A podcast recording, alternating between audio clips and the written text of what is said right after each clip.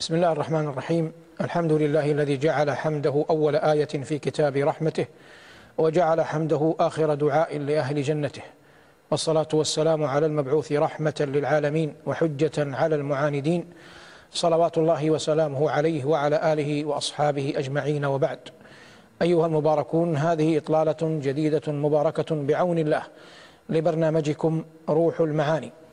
وقد سبق الحديث أننا نحاول في كل لقاء أن نأتي بشيء من زاخرات المعاني وبليغ العظات.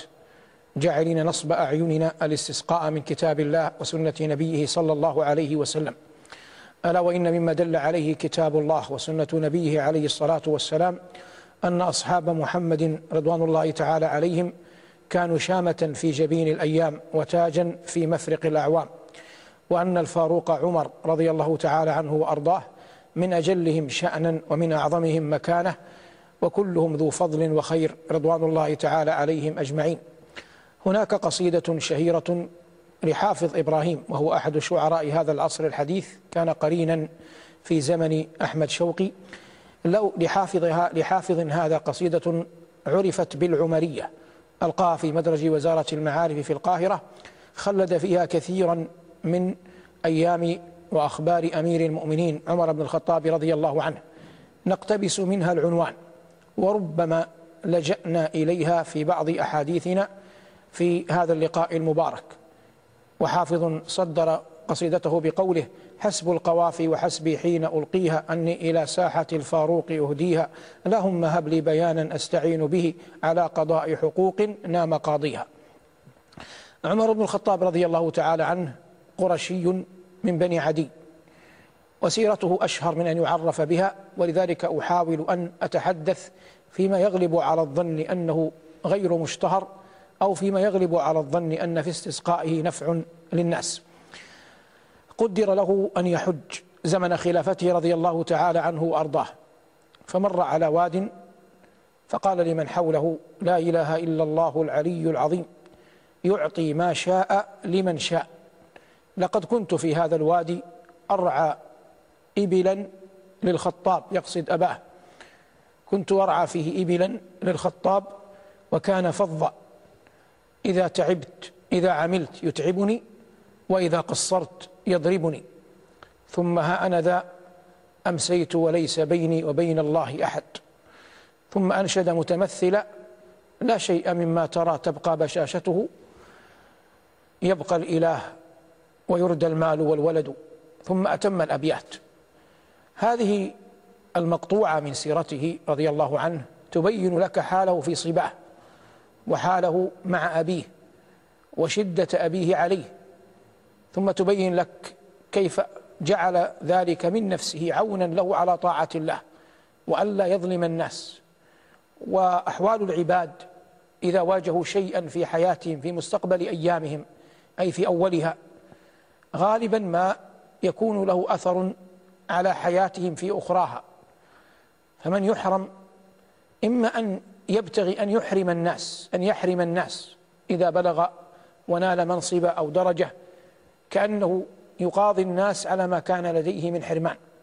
وبعض الناس يرى في ذلك الحرمان الذي عاناه صغيرا عونا له على أن يتذكر حال نفسه فيرحم الناس. والتوفيق بيد الله تبارك وتعالى. آلت الخلافة إلى أمير المؤمنين عمر بن الخطاب رضي الله عنه وأرضاه بوصية من الصديق. استشار الناس فيكاد يجمع أمرهم على أن يولي الفاروق إلا ما كان من طلحة بن أبي عب... إلا ما كان من طلحة بن عبيد الله إذ خاف من شدة عمر. فأخبره الصديق رضي الله عنه أنه يصنع ما يصنع أي عمر لأنه يرى في أبي بكر لينا. هذا كله توطئة تمهيد بين يدي بعض الأحداث والأخبار التي كانت في زمن أمير المؤمنين عمر رضي الله تعالى عنه. أقضيته عسسه طاعون عمواس عام الرواد عام الرمادة أحداث شهيرات وقعت. يستطيع الإنسان في ظل هذه الظروف المعاصرة أن يرى فيها بعيني البصر والبصيرة كيف كان الفاروق رضي الله عنه يسوس الناس. فمدرسة محمد صلى الله عليه وسلم لا تعدلها مدرسة. وهؤلاء الأخيار إنما نشأوا ينهلون من كتاب الله ومن سنة نبيه صلى الله عليه وسلم. ذلكم النبي الخاتم الذي أتم الله به النبوات وختم الله به الرسالات. يا ليتني كنت فردا من صحابته أو خادما عنده من أصغر الخدم. صلوات الله وسلامه عليه. تزوج عمر في أخريات حياته من أم كلثوم. وهي بنت علي رضي الله تعالى عنه وأرضاه وكانت صغيرة. وأحب في أول الأمر أن يتزوج أم كلثوم بنت أبي بكر. ومعلوم أن أبا بكر رضي الله تعالى عنه وأرضاه مات وزوجته حامل. أي أن تلك الفتاة كانت صغيرة أم كلثوم بنت أبي بكر. فراسل عائشة فيما يرويه أهل السير. فلما عرضت الأمر على أختها قالت ليس لي به حاجة. فقالت عائشة لها أترغبين عن أمير المؤمنين؟ قالت نعم إنه رجل خشن العيش. فاستحيت عائشة رضي الله تعالى عنها أن ترد الجواب إلى عمر فأخبرت عمرو بن العاص. فعمرو بن العاص رام بديلا حتى يهون الأمر على أمير المؤمنين. فصده عنها ودله على علي رضي الله عنه وقال له التمس لنفسك سببا مع رسول الله صلى الله عليه وسلم. فخطب أم كلثوم بنت علي بن أبي طالب وأصدقها أربعين ألفا رضوان الله تعالى عليه. في إحدى الأيام وهذا السبب في ذكر أم كلثوم خرج رضي الله تعالى عنه أيام خلافته فوجد بيتا من شعر لم يكن يراه من قبل في عسسه. فنادى فخرج إليه رجل أعرابي قال من أنت؟ قال أنا رجل من البادية أتيت ألتمس شيئا من من فضل أمير المؤمنين. قال وما هذا الصوت الذي أسمع؟ ولم يكن الرجل يعرفه. قال ما لك بهذا من حاجة؟ أي ليس لزاما علي أن أجيبك. فشدد عليه عمر فقال هي امرأة تمخض أي في وضع ولادة. فخرج عمر رضي الله تعالى عنه وعاد إلى بيته إلى أم كلثوم بنت علي وهي زوجته. فقال لها هل لك في خير ساقه الله إليك؟ هذا كله وهو أمير المؤمنين. قالت نعم. وبدهي أن تقول هذه هذا الجواب. فهي رضوان الله تعالى عليها بنت علي بن أبي طالب من فاطمة بنت محمد صلى الله عليه وسلم وأي امرأة مثل فاطمة وهي بضعة من رسول الله صلى الله عليه وسلم. وأي رجل مثل علي وهو صهر رسول الله صلى الله عليه وسلم وابن عمه. فهذه نشأت في بيت نبوة والله جل وعلا يقول ذرية بعضها من بعض. فقالت نعم فذهبت معه فقال لها إن هناك امرأة تمخض غريبة ليس معها أحد فأمرها أن تأخذ معها شيئا من الخرق والدهن والدهن وأمر بقدر أن يحمل وبلحم وحبوب ثم حمل القدر وتبعته امرأته أم كلثوم حتى أتى البيت فقال لها أي لزوجته ادخلي فدخلت ثم قال للرجل أوقد لي نارا ففعل فوضع القدر على النار وأخذ ينفخ تحته حتى استوى. وإذا بزوجته أم كلثوم وإذا بزوجته أم كلثوم تناديه بشر صاحبك يا أمير المؤمنين بغلام. فلما سمع الرجل الأعرابي لفظ أمير المؤمنين أصابته رهبة. لكن عمر قال له على رسلك أي ابقى على حالك. ثم أخذ القدر بعد أن نضج وجعله قريبا من الخيمة وقال لأم كلثوم أدخليه عليها وأطعميها. فأدخلت القدرة وأطعمت المرأة ثم ردت القدرة خارج الخيمة ثم قال للرجل كل كل ويحك فإنك تسهر منذ الليلة. ثم قال له إذا كان غدا فأتنا نأمر لك بما يصلحك. هذا النموذج لليلة عاشها الفاروق رضي الله تعالى عنه وأرضاه أملته عليه الأمانة التي يحملها. وهو سائر بين الناس يتعسس. ولا ريب أن من سار على هذا النهج سيرى كثيرا ما بين محتاج ما بين شاك وما بين غير ذلك. مر ذات ليلة رضي الله تعالى عنه وأرضاه وإذا به يسمع امرأة تقول تطاول هذا الليل واسود جانبه أرقني أن لا حبيب ألاعبه فوالله لولا الله لا شيء غيره لحرك من هذا السرير جوانبه. مخافة ربي والحياء يكفني وإكرام بعلي أن تنال مراكبه. فقال نعم المرأة أنت يرحمك الله. والمرأة لا تسمع. ثم عاد إلى بيت حفصة فطرق الباب. في ساعة لم يكن يأتيها فيها. فقالت ما وراءك يا أمير المؤمنين؟ قال أي بنية. وهو اختار أن يسأل ابنته خير من أن يسأل زوجته. كم تصبر المرأة عن الرجل؟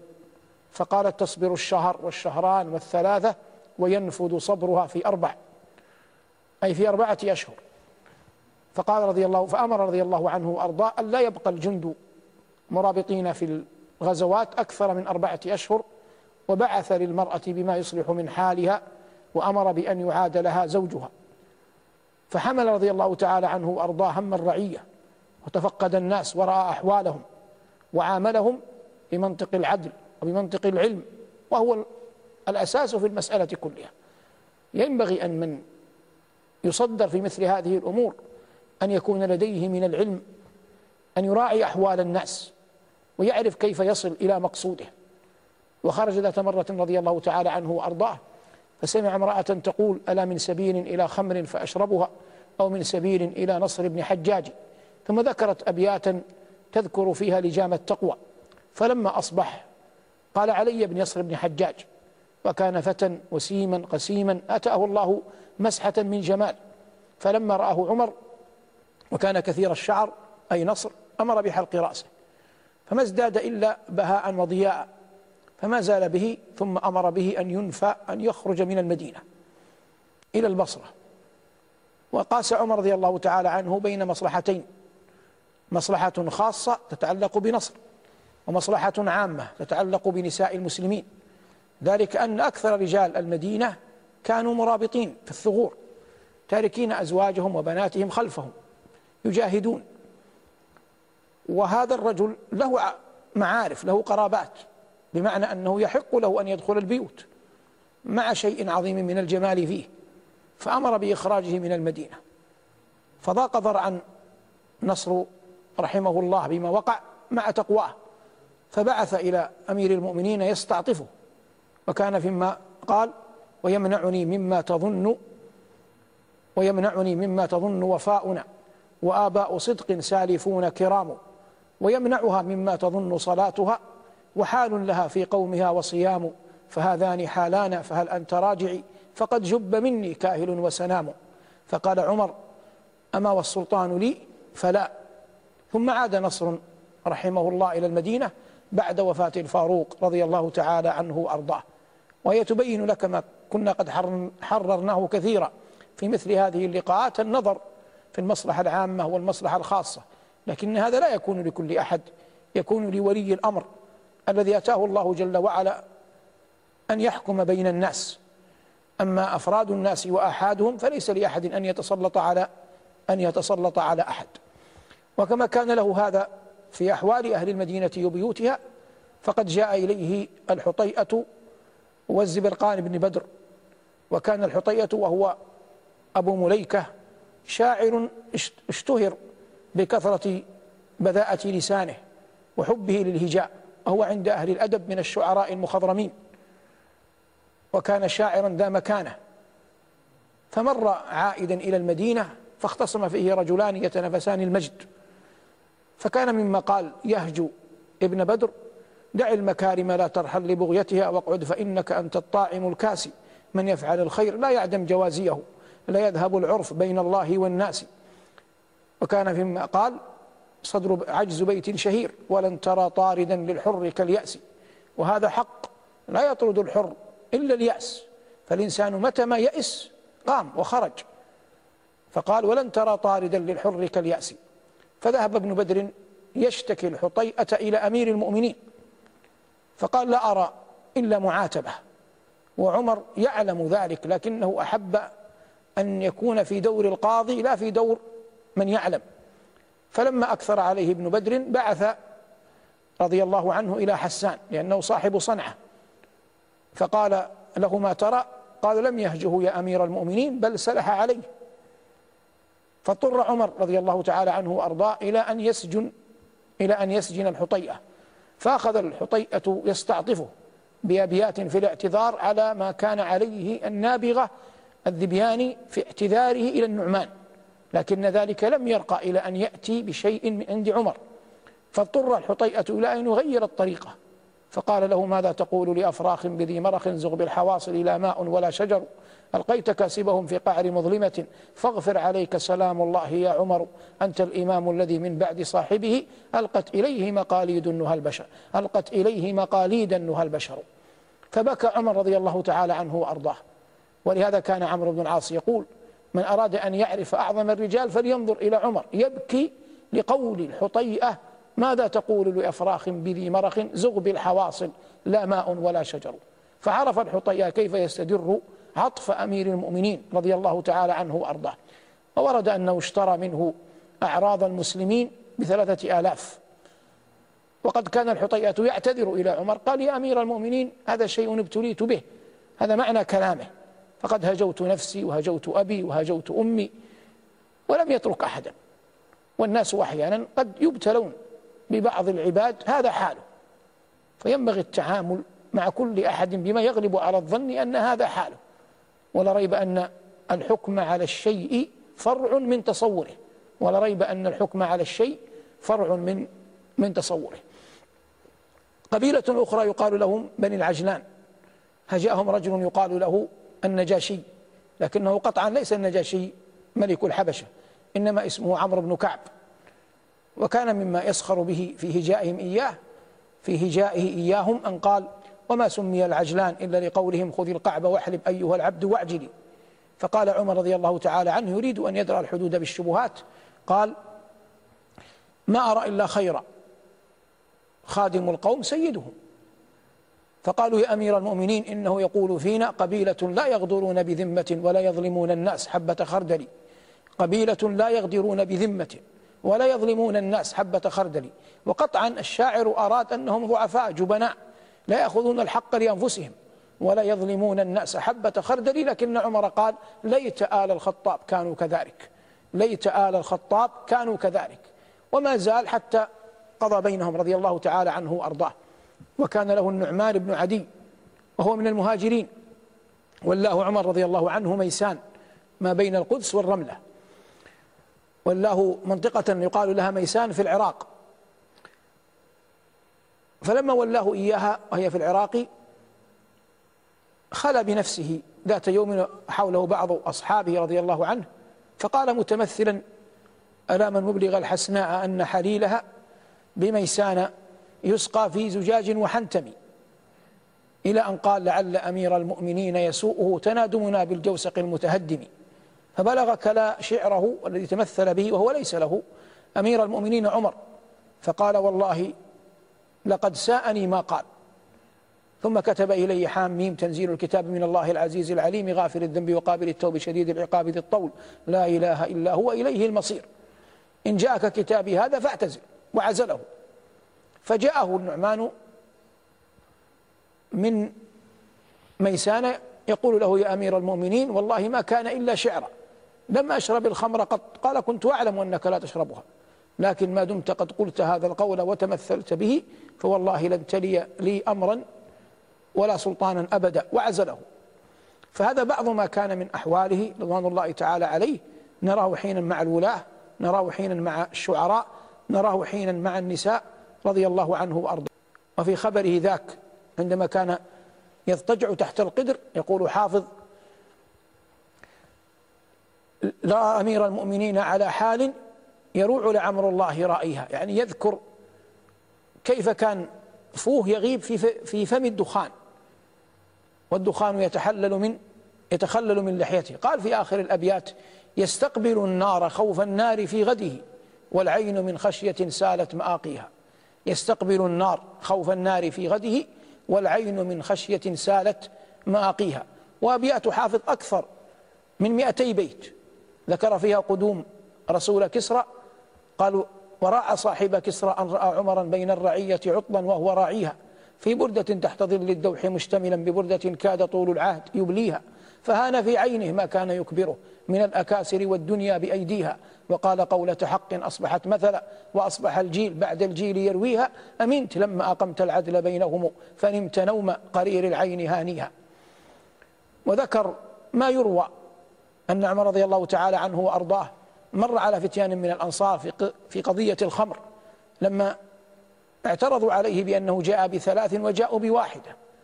قال حافظ رحمه الله وفتية أولعوا بالراح وانتبذوا لهم مكانا وجدوا في تعاطيها ظهرت حائطهم لما علمت بهم والليل معتكر الأرجاء ساجيها قالوا مكانك قد جئنا بواحدة وجئتنا بثلاث لا تباليها فأتي البيوت من الأبواب يا عمر فقد يزن من الحيطان آتيها ولا تجسس فهذه الآية قد نزلت بالنهي عنه فلم تذكر نواهيها فعدت عنهم وقد أكبرت حجتهم لما رأيت كتاب الله يمليها وما أنفت وإن كانوا على حرج من أن يحجك بالآيات عاصيها.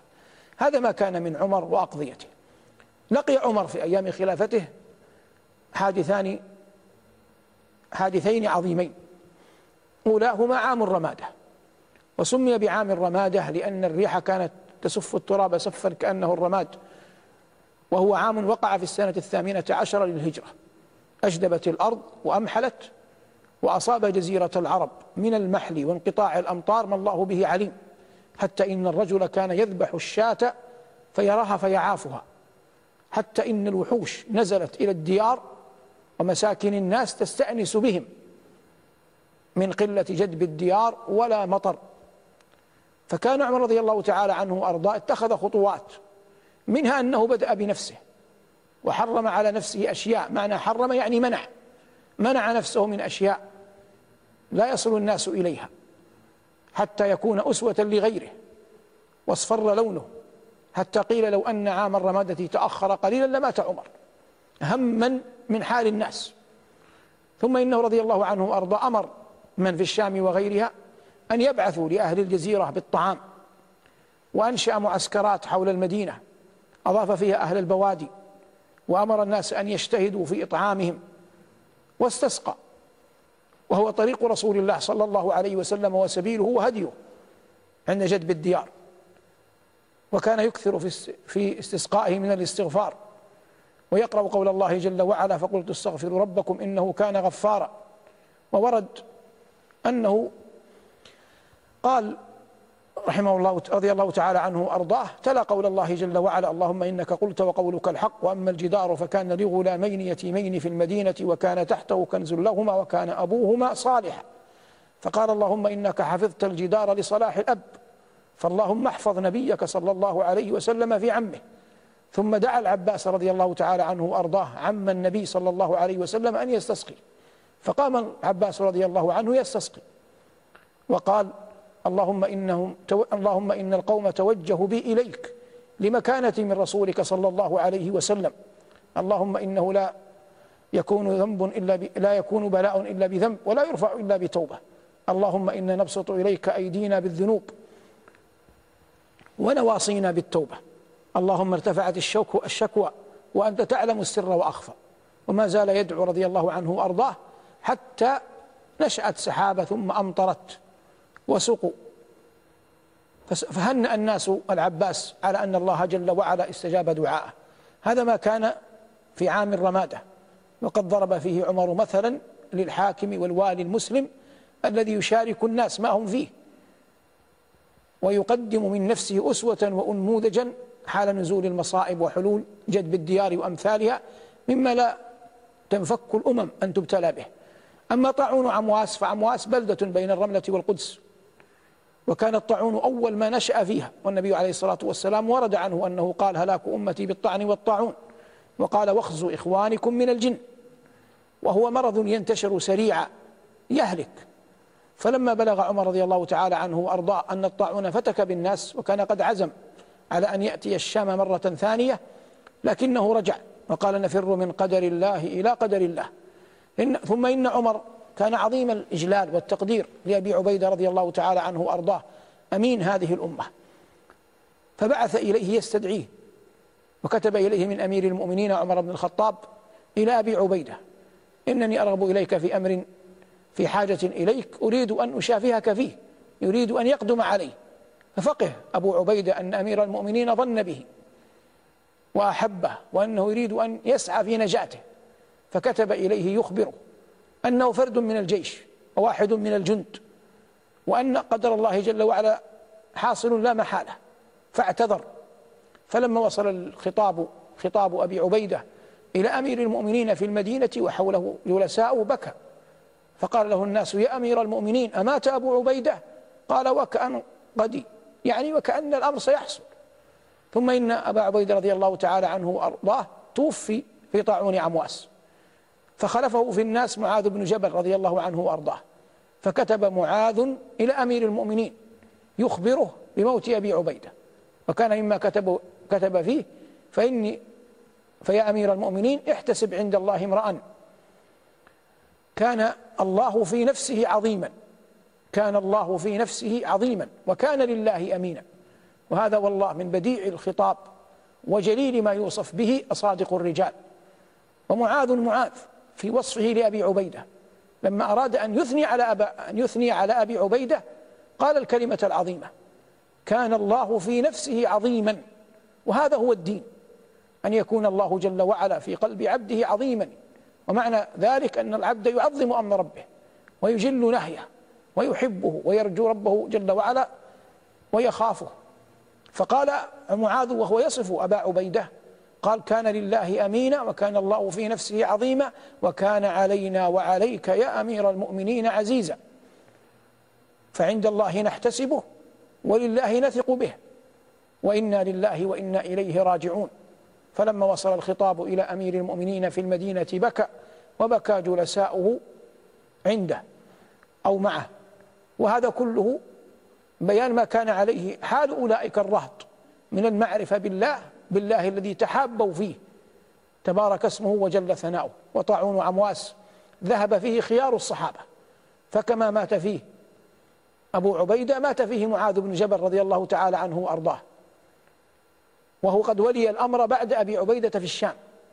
ومعاذ أنصاري أحبه النبي صلى الله عليه وسلم كثيرا. وهو الذي أردفه ذات يوم وقال له يا معاذ والله إني لأحبك. ونحن نعلم يقينا أن معاذا مصدق بالنبي صلى الله عليه وسلم. ولا حاجة لرسول الله عليه الصلاة والسلام أن يحلف. لكن هذا من عظيم العاطفة والتوطئة للحديث الذي بعده. قال يا معاذ والله إني لأحبك. وأي فخر أعظم من أن يقول النبي الكريم صلى الله عليه وسلم لشاب في مقتبل العمر والله إني لأحبك. ثم لما بين له ذلك أحب أن يهديه هدية ويعطيه وصية.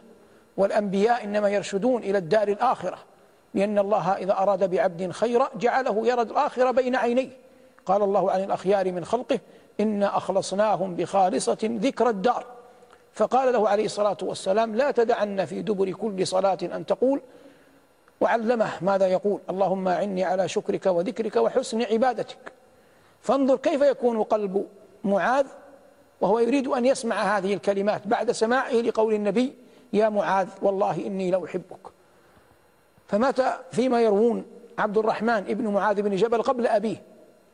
فكان معاذ يقول لابنه وهو يغالب الموت ستجدني إن شاء الله من الصابرين. أي من الصابرين على فقدك. ثم توفي معاذ رضي الله تعالى عنه وأرضاه. وولي الناس عمرو بن العاص. وعمر في الفطنة بمكان فأخبر الناس أن هذا المرض والطاعون ينتشر في الناس انتشار النار في الهشيم فأمرهم أن يرتقوا إلى الجبال ليحفظ الناس. وكان ذلك سببا في حفظ المسلمين. وبلغ عمر رضي الله وبلغ عمر رضي الله تعالى عنه وأرضاه ما صنع عمرو فلم ينكره ولم يكرهه رضي الله عن الجميع. والمقصود أيها المباركون هذه إطلالة إجمال على حياة الفاروق رضي الله عنه وأرضاه. وما كان منه من سياسة للناس سواء في عام الرمادة أو في طاعون أمواس. فلما استقر الأمر أتى الشام مرة ثانية وبدأ بميراث أهل الشام فقسمه وبين للناس أمر دينهم وحمى الثغور رضوان الله تعالى عليه ثم عاد قافلا إلى المدينة رضي الله تعالى عنه وأرضاه. ومن عجيب ما لقي في أيامه أن أهل الكوفة اشتكوا سعد بن أبي وقاص خال رسول الله صلى الله عليه وسلم. والنبي عليه الصلاة والسلام يروى عنه أنه قال هذا خالي فليرني امرؤ خاله.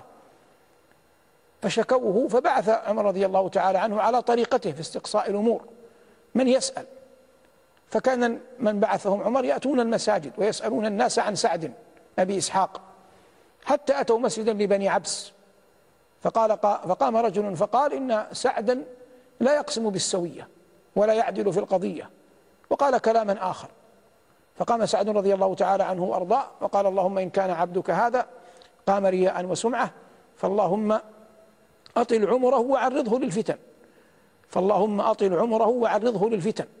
فيروى أن هذا الرجل عمر حتى جاوز التسعين وشاب حاجباه وسقط حاجباه على عينيه. ومع ذلك كان يمشي في طرقات الكوفة يتعرض للنساء. يمشي في طرقات الكوفة ويتعرض للنساء. فإذا قيل له يا شيخ اتق الله. يقول شيخ مفتون أصابته دعوة سعد. شيخ مفتون أصابته دعوة سعد. وفي هذا بيان أن الإنسان يفر من الظلم ومن أعظم من الظلم أن يتعرض الإنسان لأعراض المؤمنين أن يتعرض الإنسان لأعراض المؤمنين وأن يقول في الناس ما ليس فيهم. وقد مضت سنة الله في خلقه. أن الله جل وعلا ينصر المظلوم ولو بعد حين. وربنا يقول في آية جامعة يندرج هذا فيها ولا تحسبن الذين ولا تحسبن الله غافلا عما يعمل الظالمون. إنما يؤخرهم ليوم تشخص فيه الأبصار مهطعين مقنعي رؤوسهم لا يرتد إليهم طرفهم وأفئدتهم هواء والمراد من هذا كله ذكر سيرة عطرة وأيام نظرة. لأمير المؤمنين الفاروق عمر بن الخطاب رضي الله عنه وأرضاه. وجماع كل ما قلناه وحررناه آنفا. قول النبي صلى الله عليه وسلم في رؤيا رآها في نزع عمر للدلاء قال فلم أرى عبقريا يفري فرية. فلم أرى عبقريا يفري فرية. فقد ساس عمر رضي الله تعالى عنه الأمة سياسة عظيمة. ثم كتب الله له أن يموت شهيدا في مكان كان يصلي فيه قبله رسول الله صلى الله عليه وسلم وأبو بكر وكان يقول قبل موته رضوان الله تعالى عليه اللهم إني أسألك شهادة في سبيلك وموتة في بلد رسولك. فالموت في مدينة رسول الله صلى الله عليه وسلم شرف وأي شرف؟ سبب لشفاعته صلوات الله وسلامه عليه من استطاع منكم أن يموت في المدينة فليفعل فإني أشفع لمن لمن مات فيها. وكان أهل المدينة وما زالوا يرددون قول القائل إلهي. تولنا في كل خير فأنت إلهنا مولى الجميع وهب لنا في المدينة مستقرا ورزقا ثم دفنا بالبقيع. ختم الله لي ولكم بخير وهذه إطلالة شاملة قدر الإمكان عن سيرة الفاروق عمر رضي الله تعالى عنه وأرضاه. أسميناها العمرية تيمنا بما قاله حافظ إبراهيم رحمه الله وجزاه عن الإسلام خير الجزاء في قصيدته التي تحدث فيها عن مناقب أمير المؤمنين عمر بن الخطاب رضي الله تعالى عنه وأرضاه. هذا والعلم عند الله وصلى الله على محمد وآله والحمد لله رب العالمين. والسلام عليكم ورحمة الله وبركاته.